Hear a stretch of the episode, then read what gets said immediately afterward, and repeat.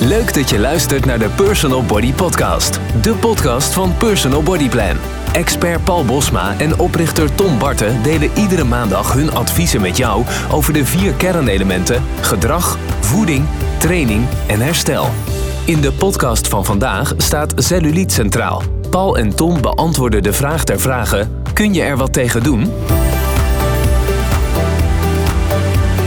Personal Body Podcast. Personal Body Podcast. Oké, cool. Vandaag in de aflevering, eh, de nieuwe aflevering van de Personal Body Podcast, eh, gaan Paul en ik het hebben over cellulite. Wat is cellulite en kun je er wat tegen doen? Ehm, Paul, eh, het is een heel beladen onderwerp. Ehm, mensen hebben er last van. Ehm, wat is cellulite eigenlijk? Ja, cellulite, je hoort inderdaad regelmatig vrouwen klagen. Ik heb last van cellulite. Uh, en dat blijkt ook wel uit onderzoek dat uh, echt uh, richting de 90%, soms zie ik zelfs grotere getallen nog dan 90% van, van de vrouwen heeft ja, last van cellulite. Um, ja, dat is een beetje een technisch verhaal wat het is. Um, je zou het kunnen inbeelden door bijvoorbeeld te kijken naar je, naar, naar je bovenbeen, waar cellulite zich vaak uit, billen en bovenbenen. Als je dan van bovenaf naar beneden kijkt, dan kijk je naar je been, dan zie je eerst de huidlaag. En die huidlaag die bestaat uit drie verschillende lagen. En die onderste laag, daar zit voornamelijk vet en bindweefsel in. En uh, dat, uh, die vetlagen die worden weer verdeeld door bindweefsellagen. Nou, dat is allemaal prima. Dat loopt dus zeg maar parallel aan je huid. Dus van je heup naar je knie als het ware, om het even makkelijk te houden. Maar loodrecht op die bindweefsel staan weer andere bindweefselschotjes. Als die samen gaan klonten, die bindweefselschotjes, dan gaan ze trekken aan de huid, dan trekken ze het als het ware naar beneden en dan krijg je dus die kuiltjes, ook wel die sinaasappelhuid genoemd. Nou, waarom gebeurt dat? Dat gebeurt uh, onder leiding van uh, veranderingen in hormonen. Je ziet bijvoorbeeld bij vrouwen dat ze tijdens een zwangerschap of tijdens het gebruiken van de pil, dat ze daar meer last van hebben. Dat zijn periodes waarin uh, oestrogeen, het vrouwelijke, hormoon, dat dat meer actief is. Um, dus ja, dat, dat is een beetje kort wat cellulite is. Dus het is eigenlijk een, een verandering in je, in je huidstructuren door bindweefsel wat aan elkaar klontert en wat gaat trekken. Uh, en dat geeft die uh, look aan de buitenkant. Oké, dus om het even duidelijk te maken, cellulite is iets anders dan cellulitis. Ja, cellulite is een uh, term die wordt gebruikt dus voor de sinaasappelhuid. En cellulitis is een term die staat voor een, een ontsteking in de huid. dat is echt een medische aandoening, dat is heel wat anders. Um, maar in de volksmond wordt cellulite en cellulitis worden eigenlijk beide keren wat de sinaasappelhuid uh, bedoelt. Um, maar uh, om nog even duidelijk te maken, uh, cellulite is dus geen medische aandoening. Het is niet een, een, een kwaal of zo per definitie. Het is meer esthetisch. Oké, okay, dus wij hebben het voornamelijk over cellulite en of dat je daar wat tegen kunt doen. Ja. Oké. En uh, je gaf in het begin aan uh, dat vooral vrouwen hier last van uh, heeft. 80 tot 90 procent van volwassen vrouwen komt het misschien wel voor. Um, hoe zit het eigenlijk bij mannen? Ja, je ziet dat dat bij vrouwen zo, zoveel voorkomt. En dat dus met name wat ik net zeg, dat vrouwelijke geslachtshormoon, oestrogeen... Uh, dat is daar heel actief in. Dus het is logisch dat vrouwen daar dan meer last van hebben. Daarnaast, uh, dus die, die loodrechte bindweefselstructuren op die uh, parallel aan je huid lopende bindweefselstructuren, die zijn bij vrouwen dus loodrecht. En daarom gaan ze trekken. Dus je moet je dat echt inbeelden dat dat dan je huid naar beneden trekt en die vet, het vet eromheen omhoog duwt. Dat is bij mannen niet zo geregeld. Dat bindweefsel dat is schuin georiënteerd, niet loodrecht. Dus daarmee is die hele structuur van het bindweefsel anders en uh, kan het ook niet uh, dezelfde gevolgen hebben in je huid. Dus het, mannen hebben gewoon een genetisch voordeel wat dat gaat. desalniettemin komt het heus ook wel voor bij mannen. Um, dus uh, ja, het gaat er enerzijds om de zichtbaarheid. Heb, heb je er last van, ja of nee? Is het zichtbaar, ja of nee? Dat zijn twee verschillende dingen. Ja, precies. En nou heb ik me laten vertellen dat jij ook cellulite hebt. ja, ja uh, dat klopt ja. Als ik, uh, dat wil ik best bekennen. als, als ik in een bulk zit, waarin ik dus veel calorieën binnenkrijg en wat spiermassa wil kweken op een gegeven moment dan, uh, ja, dan groeien mijn billen ook. En sowieso heb ik wel uh, gewoon ja, grotere billen dan uh, die, die reageren goed op, op training bij mij. Maar daar zit ook wel een laag vet op. En als ik dan mijn bilspieren aanspan, dan is die zichtbaarheid van cellulite is daar aanwezig, ja. Oké, dus eigenlijk zeg je dat een toename in vetpercentage ook kan zorgen dat aanwezige cellulite eh, meer zichtbaar wordt. Ja, absoluut. En hoe zit dat precies? Uh, ja, je, je hebt uh, dus die bindweefselstructuren rondom dat vet en dat uh, loodrecht gepositioneerd bij vrouwen. Daartussen zit dus vet. Ja, als er meer vet zit, dan heb je dus ook meer zichtbaarheid van celluliet. Dat is eigenlijk heel, heel simpel. dus dat betekent ook meteen dat dat een, een oplossing kan zijn. Dus zorgen dat je vetpercentage daalt en daarmee de zichtbaarheid van celluliet daalt. Dat betekent niet dat het er niet is, want die bindweefselstructuren die zijn er dan nog, maar de zichtbaarheid is minder. Ja, precies. Dus heel erg afhankelijk van de context van wat je, wat je daarmee bedoelt. Nou ja, je maakt eigenlijk al een bruggetje naar uh, een van de mogelijke oplossingen. Um, want cellulite is natuurlijk iets uh, waar veel mensen wat tegen willen doen. Ja. de vraag is natuurlijk of je er wat tegen kunt doen. Er zijn best wel wat behandelingen op de markt. En ik denk dat het goed is om te bespreken of die behandelingen ook daadwerkelijk uh, werken. Uh, want dat is natuurlijk belangrijk. Um, kun je eens een aantal eh, van die behandelingen opnoemen en aangeven of dat het werkt, of dat het niet werkt en waarom het dan niet werkt? Ja, ik denk ook dat het goed is om stil te staan bij het feit dat bij zo'n esthetische aandoening, ja, ik vind aandoening een beetje een vies woord, want ja, een, een aandoening. het is, het is een, een, zoveel procent van de vrouwen heeft dit. Dus ja, is het dan een aandoening of is het gewoon normaal? Um, maar goed, eh, om het zo even om de termen duidelijk te houden. Uh, je hebt ehm, eigenlijk verschillende partijen die gaan denken: hey, dit is een esthetisch uh, probleem. We gaan hierop inspelen. Dat is interessant. Er zijn veel mensen die hebben hier last van, die willen daar wat tegen doen. Die willen daar geld voor neerleggen om dat te veranderen. Dus daardoor krijg je ook heel veel ja, kwakzalverige oplossingen aangeboden. En uh, ja, google maar eens op uh, cellulite en uh, cellulite. En je zult merken dat je van allerlei dingen aangeboden krijgt. En ik denk dat het goed is om inderdaad langs te gaan bij, bij de meest eenvoudige oplossingen. Bijvoorbeeld het smeren van middeltjes op je, op je huid. Nou, dat wordt veel aangeboden om, om te verminderen. Nou, je kunt eigenlijk met kritisch denken al nagaan, joh, kan dat dan wel door die eerste twee huidlagen heen komen om in die derde huidlaag te komen waar dat bindweefselstructuur het probleem vormt en dan dus het bindweefselstructuur aanpassen? Nee, natuurlijk niet. Uh, ja, dat is, dat is veel te simpel. Je kunt met, met middeltjes op je huid wel iets doen aan je, aan je huid, maar niet daar binnen aan die structuren. Dus uh, ja, dat gaat sowieso weinig opleveren. Daarnaast heb je uiteraard uh, masseren. Um, je hebt zelfs hele machines uh, die zowel masseren, vacuümzuigen, kneden, drukken, persen, alles in één. En zelfs die machines, uh, daar zie je echt de hele wisselvallige resultaten in onderzoeken die zijn opgezet door daadwerkelijk de fabrikanten van die machines. Ja, dan kun je sowieso al vraagtekens stellen bij of dat wel zonder bias zeg maar, wordt, wordt gedaan. Ja, en um, dat is dus ook al wisselvallig. En dan kun je zeggen, oké, we hebben kuppen, wat een bekende oplossing is.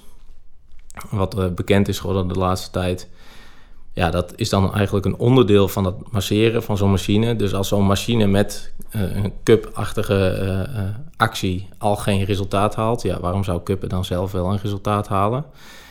Um, bovendien, ja, pakt dat dan die bindweefselstructuur aan? Nee, ook niet. Dus ja, dan, en dan, dan kom je al, dan, dit zijn de simpelere oplossingen, dan kom je al bij hele lastige oplossingen. Met lasers werken, je hebt een jachtlaser die heel bekend is, die wel wordt gebruikt om huidverbeteringen te verzorgen. En dat, dat heeft wel een werking, die jachtlaser. Dat, die, die kan wel echt doordringen en die kan wel dingen doen, maar op het gebied van cellulite uh, niet.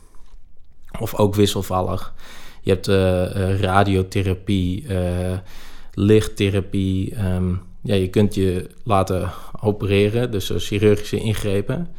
En dan gaan ze daadwerkelijk die structuren aanpakken. Nou, dat klinkt al, dat klinkt al wat beter. Snijden dus eigenlijk. Ja, los snijden of los proberen te snijden. Maar zelfs dat heeft een wisselende werking en haalt niet alle, alles weg. Zeg maar, je kunt daar wel echt een deel van, de, van die bindweefselstructuur aanpakken, maar niet allemaal.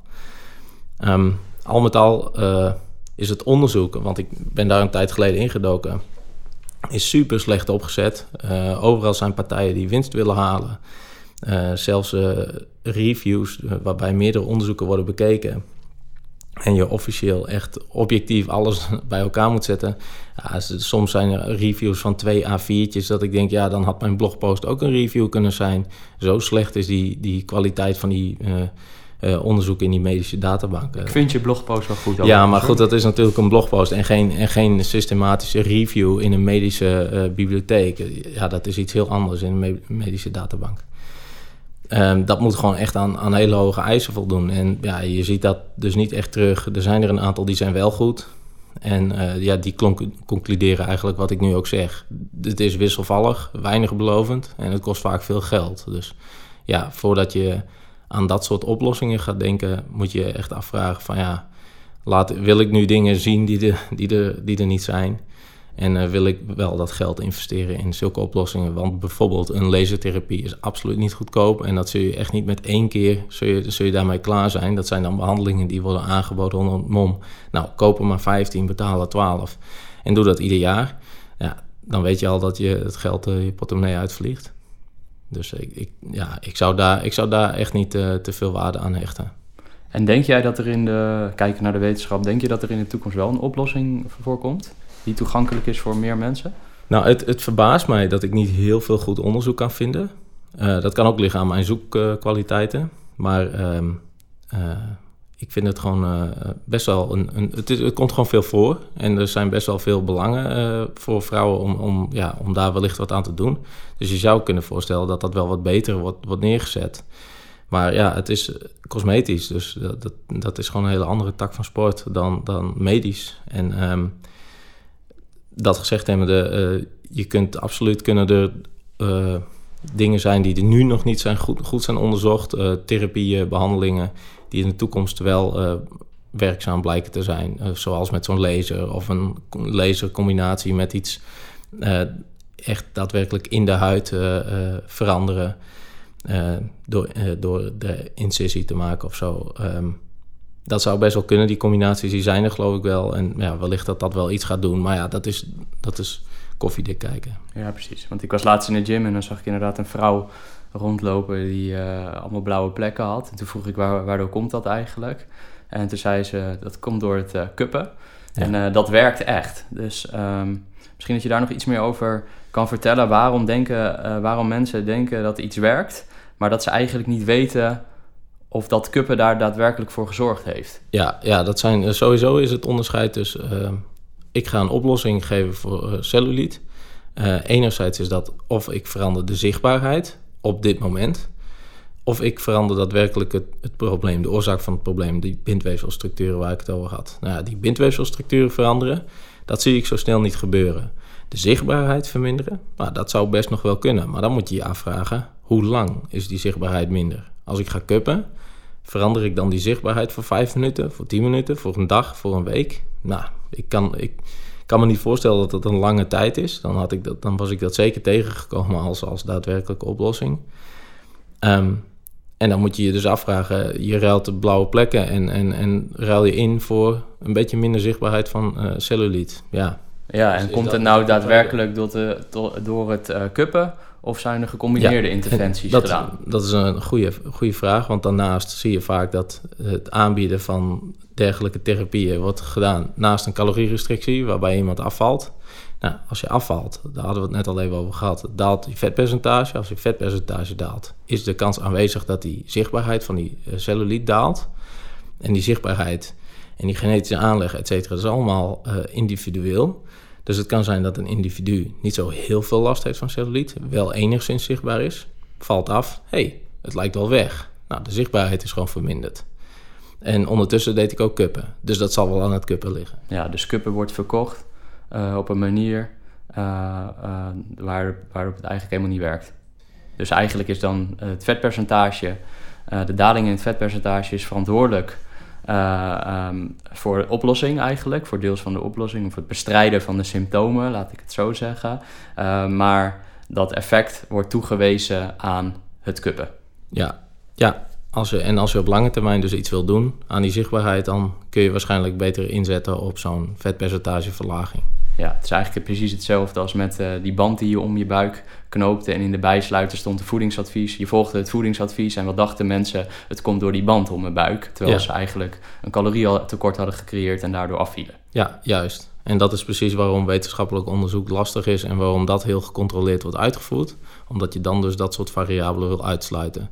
En dan wil je daadwerkelijk kijken helpt in dat geval. Dus ik wil kuppen onderzoeken, dan wil ik kijken een groep die dat doet en een groep die dat niet doet. En verbetert dan die zichtbaarheid. En ja, dan, dan denk ik dat je tegenvallende resultaten gaat zien. Zeker op de lange termijn ga je niks zien. Oké. Nou, we begonnen natuurlijk deze podcast met de vraag: celluliet, kun je er wat tegen doen? Wat kan je nou kort, als je daar antwoord op geeft, wat zou je dan adviseren aan mensen? Nou ja, je hebt sowieso met uh, celluliet heb je ook uh, te maken met uh, huidveroudering. Dus het gaat met name dus om die zichtbaarheid. Laten we vooropstellen dat die bindweefselstructuren, dat we daar niet zoveel tegen kunnen doen. Die genetische aanleg, daar kun je niks tegen doen, dat is aan de hand.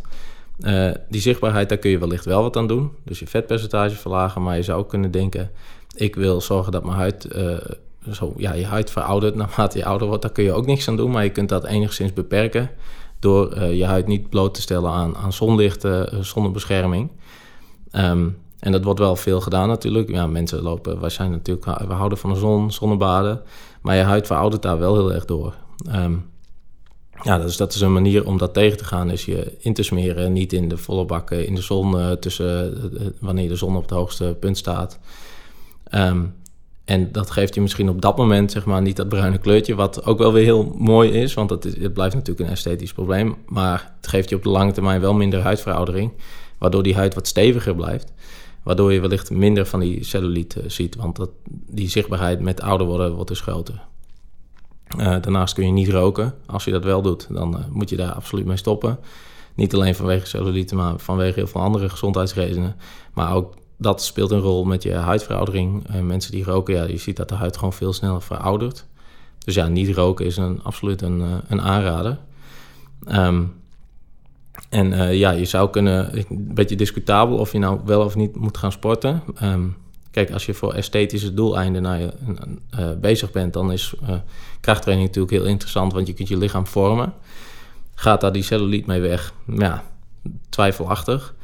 Uh, je kunt het in ieder geval proberen. Het heeft ook andere voordelen. Um, maar dat gezegd hebbende, ik zei net zelf al, als ik mijn bilspieren aanspan in een bulk, dan is dat bij mij zichtbaar op, op mijn billen.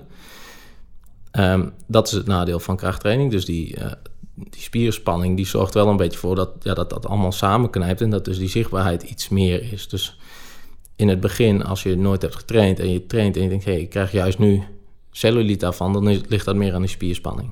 Ja, en met name ook omdat je spiermassa opbouwt, uh, maar je vetpercentage gaat tegelijk, is tegelijkertijd niet naar beneden gegaan, waardoor die cellulite zichtbaar ja. is. Ja, dat zou, dat zou kunnen. Dat zou kunnen. Ik zou dat niet uitsluiten. Oké, okay.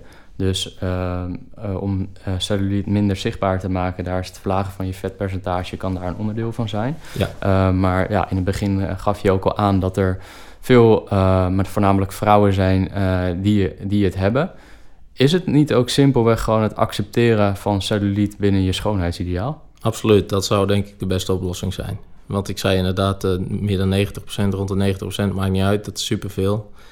Uh, ja, is, dat is eigenlijk dus normaal. Dus als je het niet hebt, dat is afwijkend. En um, ja, je zou sowieso moeten kunnen accepteren dat, dat zoiets aan de hand is. En de een zal het in meerdere mate hebben dan de ander. Ja, dat is heel lastig. Um, maar dat is wel accepteren is denk ik wel echt de beste, de beste oplossing. En uh, weet je, ik heb zelf ook wel dingen aan mijn lijf waarvan ik denk, ja, jammer dat dat zo is. Maar ja, dat moet ik wel accepteren. En je roeit met de riemen die je hebt. En ik, ik denk dat uh, dat samen met... Ik ben dan wel benieuwd waar je het precies over hebt. Nou. Nou, ja, nee, dat, dat, zijn gewoon hele cosmetische dingen ook. Bijvoorbeeld, uh, ah, mijn borstspieren zijn, de aanhechting ziet er heel slordig uit en zo. Dat soort dingen, daar kan ik me wel heel druk over maken. Maar ja, dat is wel gewoon aan de hand. Um, dus het is ook iets wat genetisch zo voor mij is bepaald, waar ik niks aan kan doen.